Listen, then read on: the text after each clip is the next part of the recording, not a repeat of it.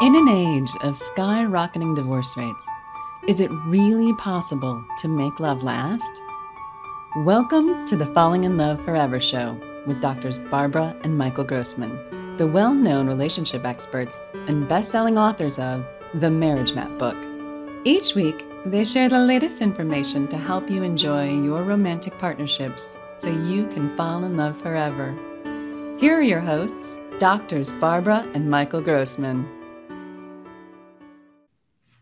Hi, this is Dr. Michael Grossman.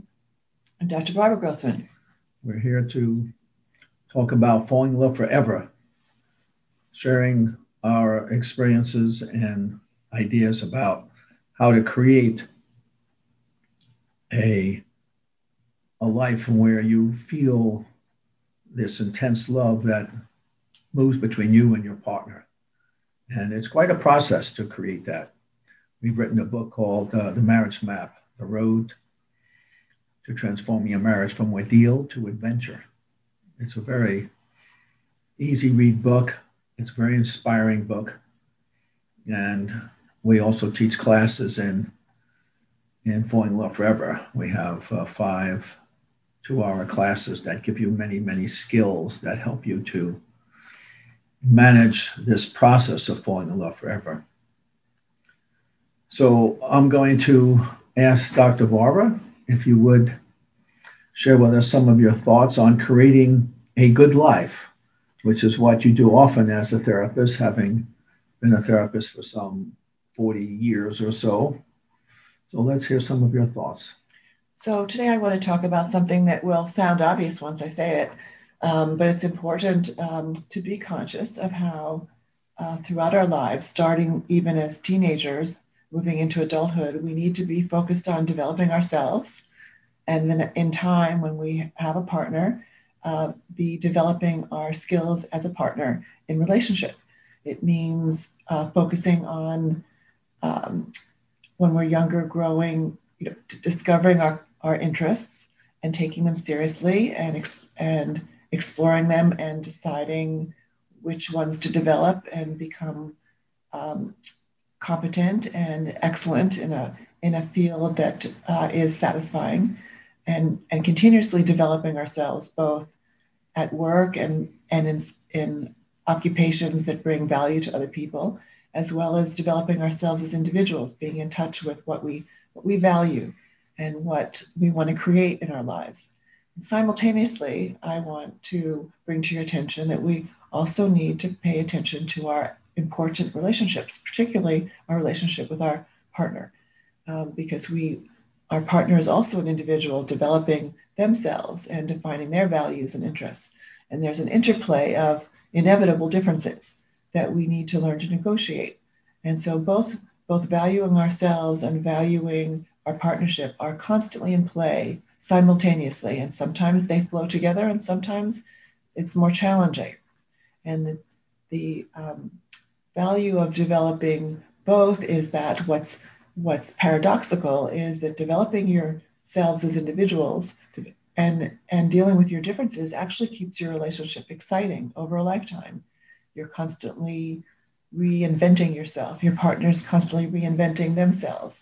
You are relearning and re-experiencing a new relationship at different levels you know at regular intervals and it keeps the relationship exciting as well as it pushes you to expand yourself and encompass and understand a completely different person who's constantly changing just like you are. As you go through life where the the commitments in life change there's a time in life where you're just a couple there's a time in life where you're a family and there's a time in life where you're older and a couple again. And on dealing with aging parents. So there's um, lots of chapters and lots of dynamics. And the key part is to have the skills to, to do all this, to fulfill the purpose of your own individual life and to develop your partnership. So why don't you describe some examples of these kind of challenges that you're talking about?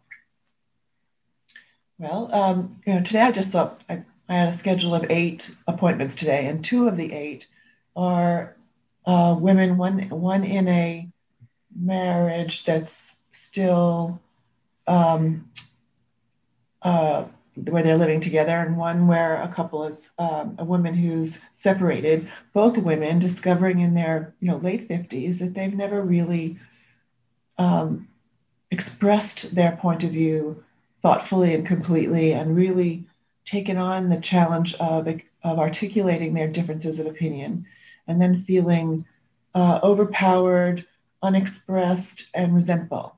Um, and this is a common phenomenon among uh, women because they, you know, tend to, among a certain generation, uh, they tend to develop later their their commitment to themselves, their respect for their own truth. And you know, when when that comes later in life, after there's so many experiences of of not sharing, usually the impulse to share comes with an avalanche of anger and and crankiness, and it can be so much easier if it starts sooner.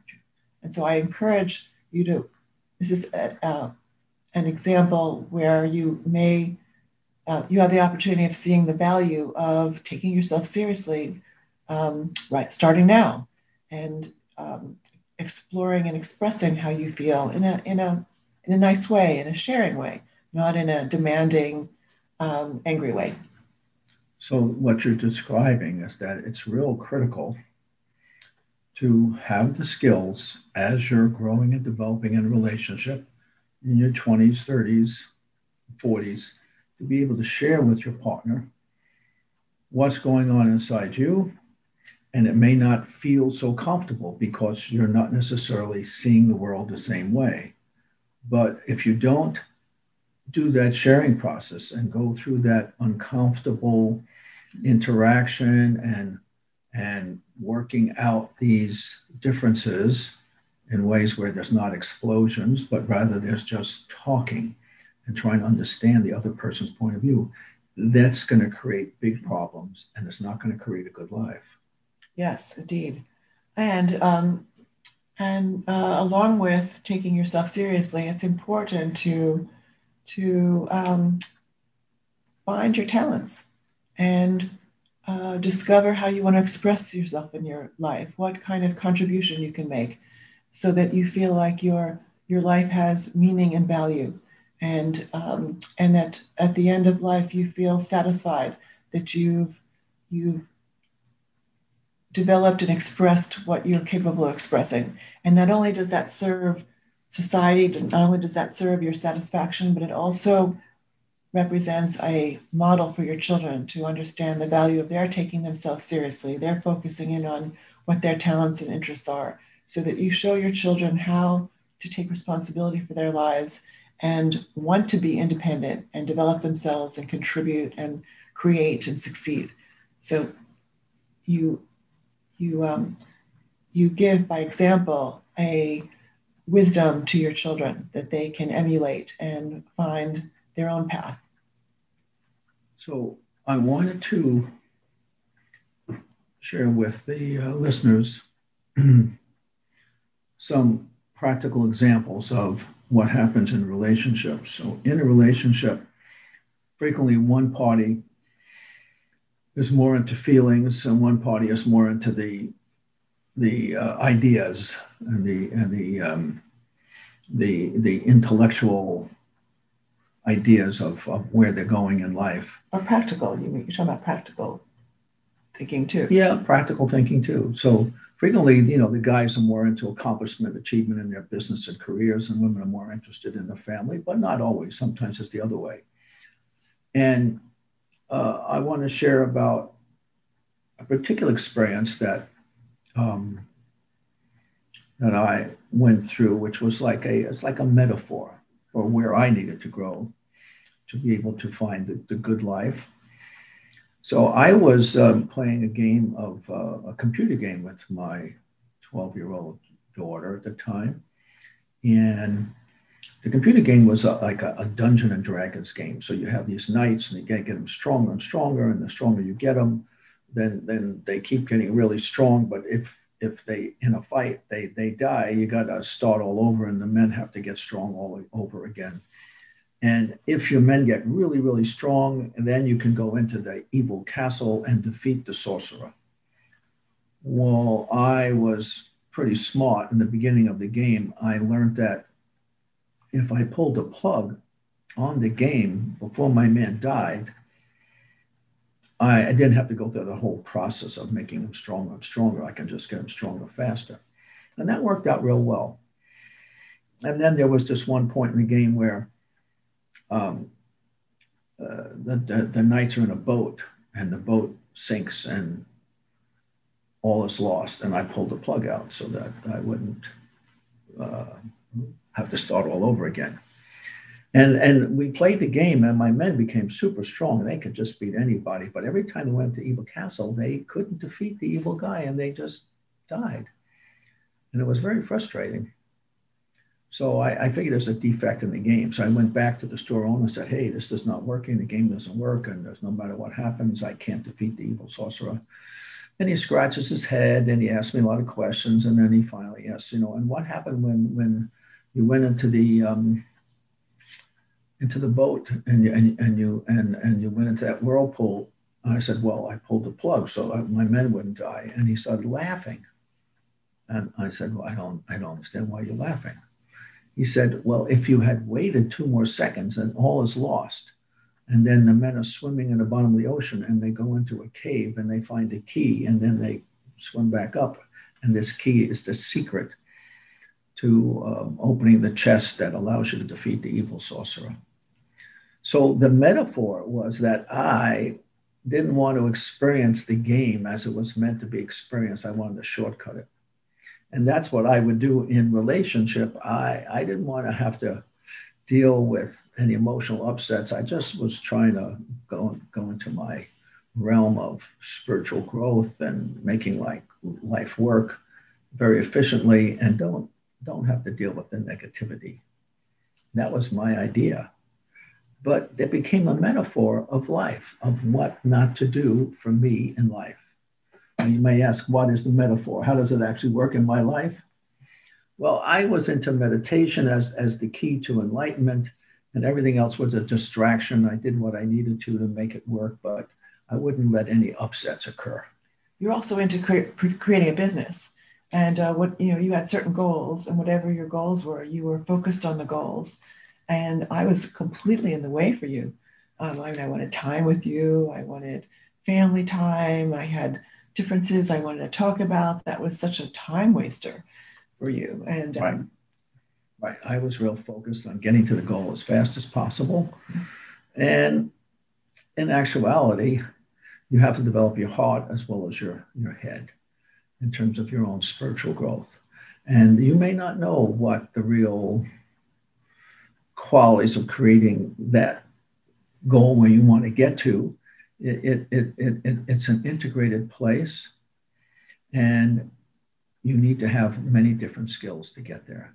And you can't try to hide from the emotional upset. So when, when dr barbara's talking about her clients who come in and someone who's 50 60 years old and they wake up and realize that they have not talked about what their real desires are inside what their real um, needs are what their real um, thoughts are they're not sharing it with their with their partner, we need to be able to do that because out of that friction of being with your partner, that's where the good life comes from. It doesn't come from suppressing the upsets. It comes from being able to really share deeply whatever is going on for each of you. And each of you will pull the other one up because you see things that they don't, and vice versa. And you have different ways of dealing with things as, as they do, but we can each uplift the other and move the other into a bigger percep- uh, perception of what life is about. And that's something that is really critical in relationship to allow that to happen. Yeah, and I would I want to uh, acknowledge you. You know, you're you, you are a lot of the passion for teaching these courses because you have been surprised over and over again how much talking and being emotionally connected to what's going on in real life has brought you and having and dealing with two points of view. It says, I believe as I watch you, it has enriched your life. It has it's enriched your personality, and you are a um, uh, a more integrated and wonderful man as a result of you being open to me and my contribution to your life. And we want that for all of you. we each partner has so much to contribute to the conversation and development of your of your lives together, and uh, we want you to be um, be present to your own feelings and thoughts and truth to, so that you can share with each other and embroider your life in greater dimension and really be happy and satisfied with life and grow wisdom. So we, we encourage you to read our book on the marriage map, come to our classes and courses, go to our website, themarriagemap.com. It's a pleasure to talk with you. And we hope that uh, you're all doing well. And we wish you love and deep, deep, joyful relationships. Thank you so much. Until next time. Thank you for watching the Falling in Love Forever show with doctors Barbara and Michael Grossman. Join us next week for another informative discussion to help you keep your love alive. Be sure to visit us at themarriagemap.com or find out about our relationship classes at fallinginloveforever.com.